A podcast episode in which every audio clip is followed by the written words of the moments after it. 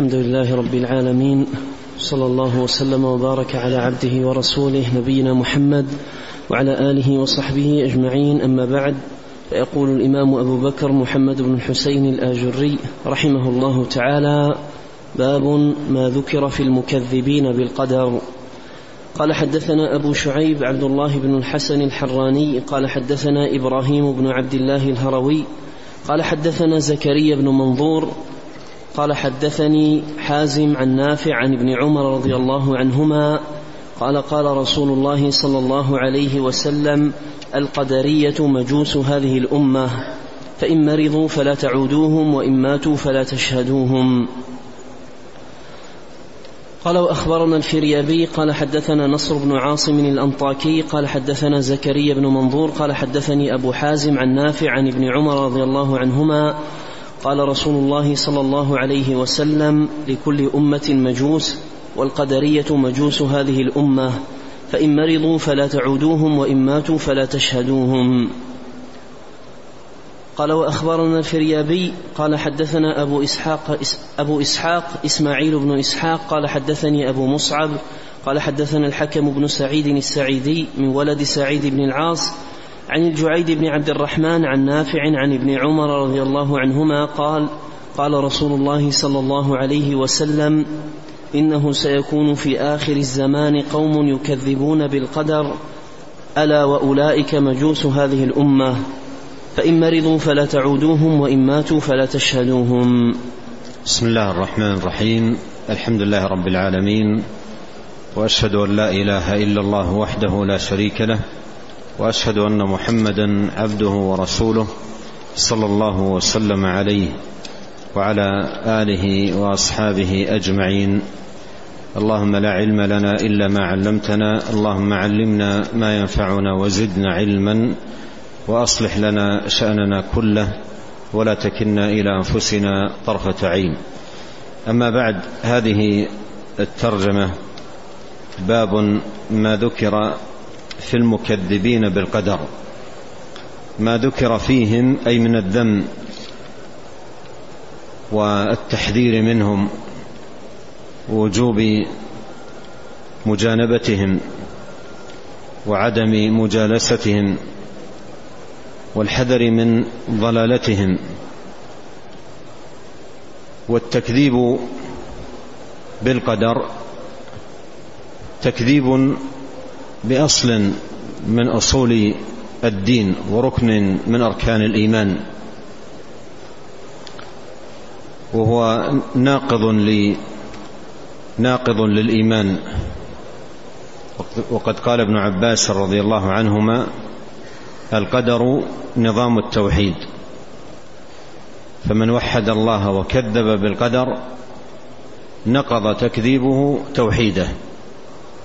فلا ينتظم توحيد مرء ولا يستقيم له إيمان ما لم يؤمن بقدر الله سبحانه وتعالى.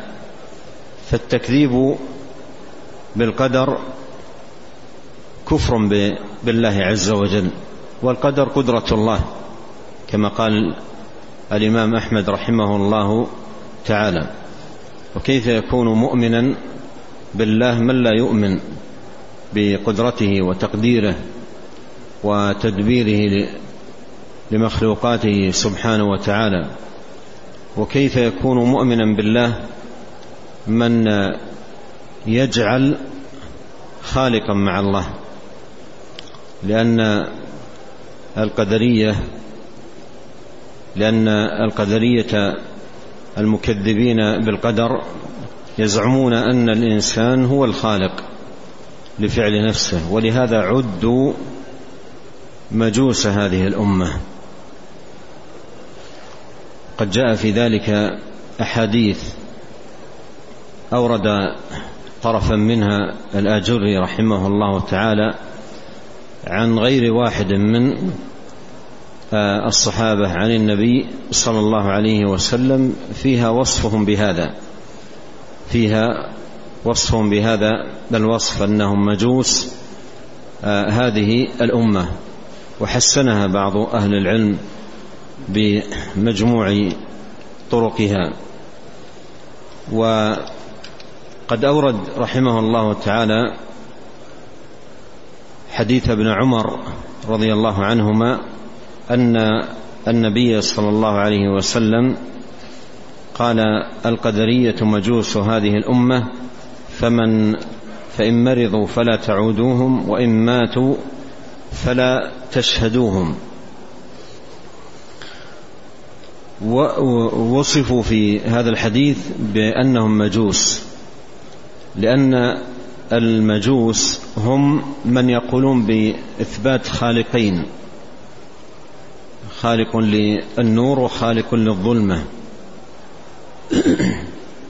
وهؤلاء شبيهون بهم حيث قالوا إن الله عز وجل هو الخالق الإنسان والإنسان هو الخالق لفعل نفسه والإنسان هو الخالق لفعل نفسه. ومن زعم خالقا مع الله سبحانه وتعالى فقد أشرك. فكيف بمن يزعم أن كل أحد من الناس يخلق فعله؟ من زعم أن خالقا مع الله فقد أشرك. فكيف بمن زعم أن كل إنسان يخلق يخلق فعل نفسه؟ ولهذا كانت القدرية مجوس هذه الأمة. كما جاء وصفهم بذلك في هذه الأحاديث التي ترفع إلى النبي عليه الصلاة والسلام وأيضا جاء هذا المعنى مقررا عن أئمة السلف رحمهم الله تعالى. نعم. قال رحمه الله تعالى وأخبرنا الفريابي قال حدثنا محمد بن مصفى قال حدثنا بقية بن الوليد عن الأوزاعي عن ابن جريج عن أبي الزبير عن جابر رضي الله عنه قال قال النبي صلى الله عليه وسلم إن مجوس هذه الأمة المكذبون بالقدر فإن مرضوا فلا تعودوهم وإن ماتوا فلا تشهدوهم. نعم يعني أورد هنا حديث جابر آه، بن عبد الله رضي الله عنهما أن النبي صلى الله عليه وسلم قال إن مجوس هذه الأمة المكذبون بالقدر. فإن مرضوا فلا تعودوهم وإن ماتوا فلا تشهدوهم. وهو بمعنى حديث ابن عمر الذي قبله. نعم.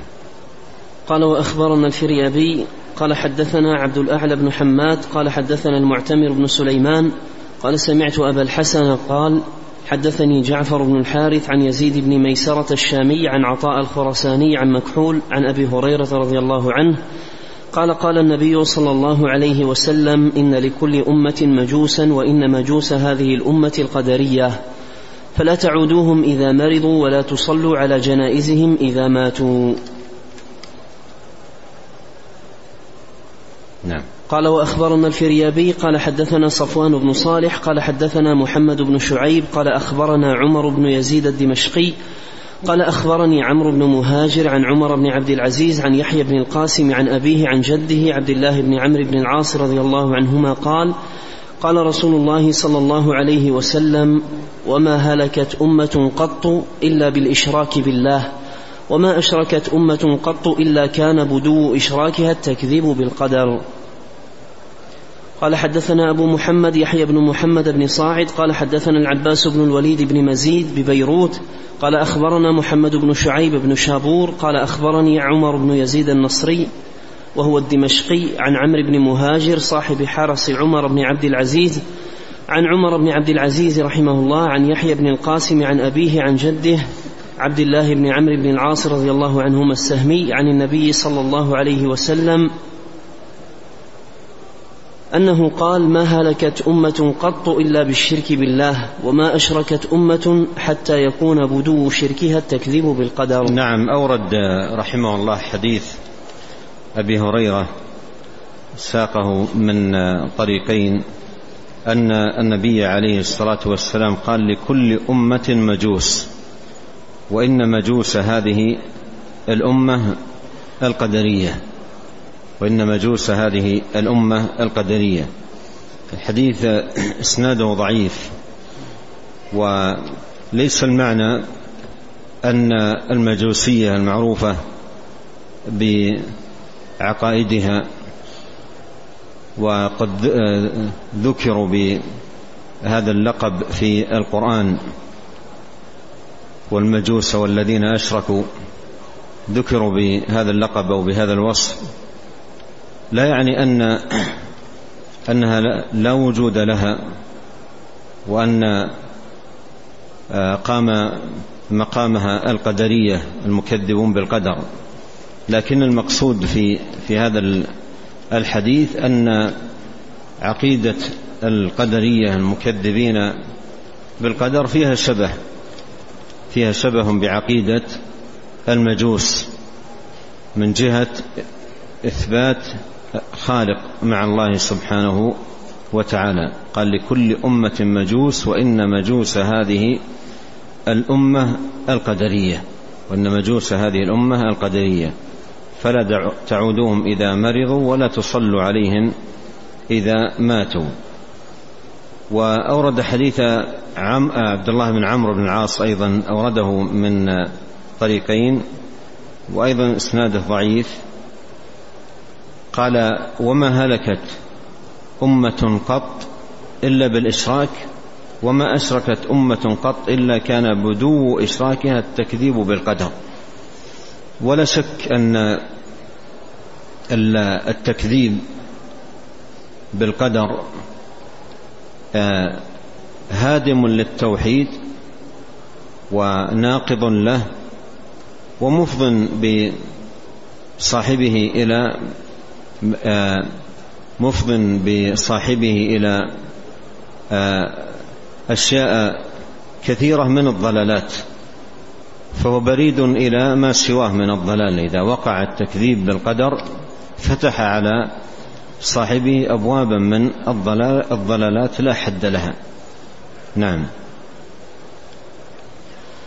قال رحمه الله تعالى وأخبرنا الفريابي قال حدثنا أبو بكر سعيد بن يعقوب الطالقاني قال حدثنا المقري أبو عبد الرحمن قال حدثنا ابن لهيعة قال حدثنا عمرو بن شعيب قال كنت جالسا عند سعيد بن المسيب فقال بعض القوم يا أبا محمد إن قوما يقولون قدر الله تعالى كل شيء إلا الأعمال.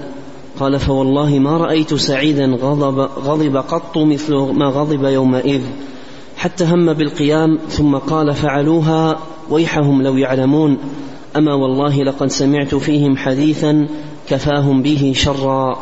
فقلت وما ذاك يا أبا محمد رحمك الله؟ قال حدثني رافع بن خديج رضي الله عنه قال سمعت النبي صلى الله عليه وسلم يقول يكون في أمتي قوم يكفرون بالله وبالقرآن وهم لا يشعرون. فقلت جعلت فداك يا رسول الله. يقولون كيف؟ قال يقولون الخير من الله والشر من إبليس. ثم يقرؤون على ذلك كتاب الله فيكفرون بالله وبالقرآن بعد الإيمان والمعرفة. فما تلقى أمتي منهم من العداوة والبغضاء والجدال؟ وفي زمانهم ظلم وفي زمانهم ظلم الأئمة.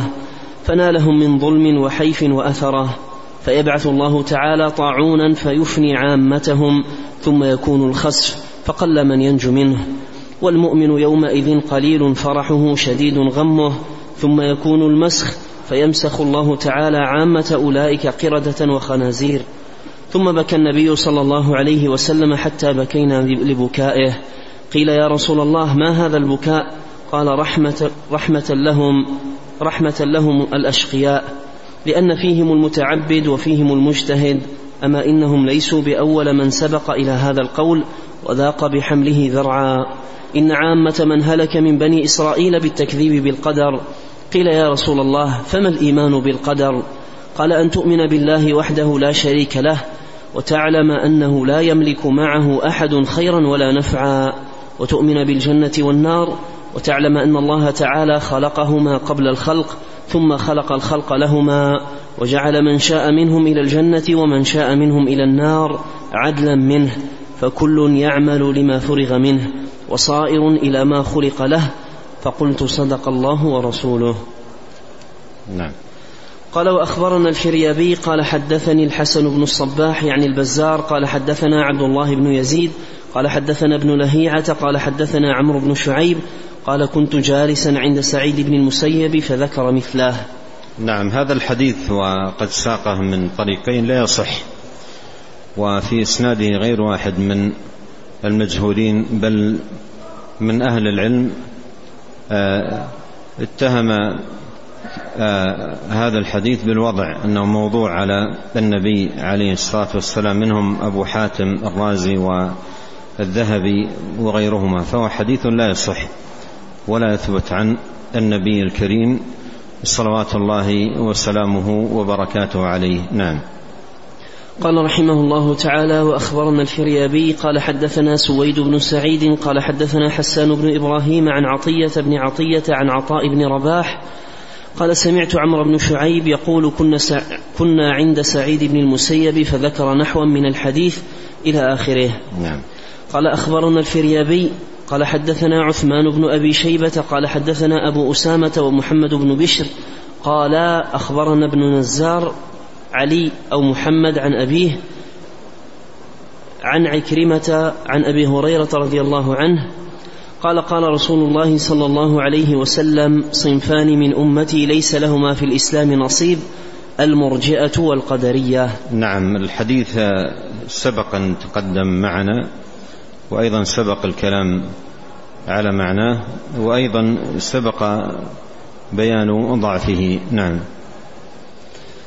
قال رحمه الله تعالى حدثنا أبو جعفر أحمد بن يحيى الحلواني قال حدثنا سويد بن سعيد قال حدثنا شهاب بن خراش عن محمد بن زياد عن أبي هريرة رضي الله عنه أن النبي صلى الله عليه وسلم قال ما بعث الله تعالى نبيا قبلي فاستجمعت له أمته إلا كان فيهم مرجئة وقدرية يشوشون أمر أمته من بعده.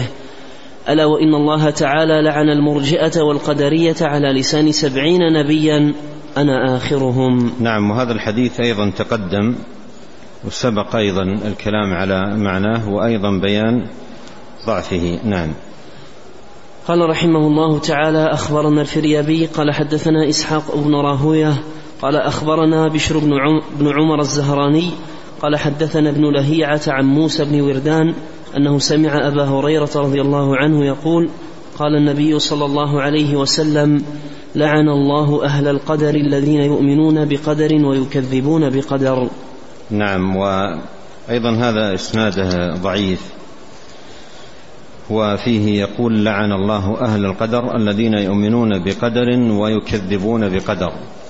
يؤمنون بقدر أي خلق الله للإنسان وإيجاده له ويكذبون بقدر أي خلق الله لفعل الإنسان ويزعمون أن الخالق لفعل الإنسان هو الإنسان نفسه. نعم. قال رحمه الله تعالى أخبرنا الفريابي قال حدثني أبو أنس مالك بن سليمان قال حدثنا بقية بن الوليد عن يحيى بن مسلم عن بحر السقاء عن أبي حازم عن أبي هريرة رضي الله عنه عن النبي صلى الله عليه وسلم قال ما كانت زندقة إلا كان أصلها التكذيب بالقدر. نعم ثم أيضا ختم هذه الترجمة بهذا الحديث وأيضا إسناد ضعيف وفيه قال ما كانت زندقة إلا كان أصلها التكذيب بالقدر وما من شك أن التكذيب بالقدر بوابة للشرور ومدخل من أشنع مداخل الباطل. فإذا وقع في قلب الإنسان تكذيب بقدر الله سبحانه وتعالى ساقه هذا آه، التكذيب إلى أنواع من الضلال والكفر والصدود عن عن دين الله تبارك وتعالى. ونكتفي بهذا القدر ونسأل الله الكريم أن ينفعنا بما علمنا وأن يزيدنا علما وأن يصلح لنا شأننا كله والا يكلنا إلى أنفسنا طرفة عين. إنه تبارك وتعالى سميع قريب مجيب. سبحانك اللهم وبحمدك.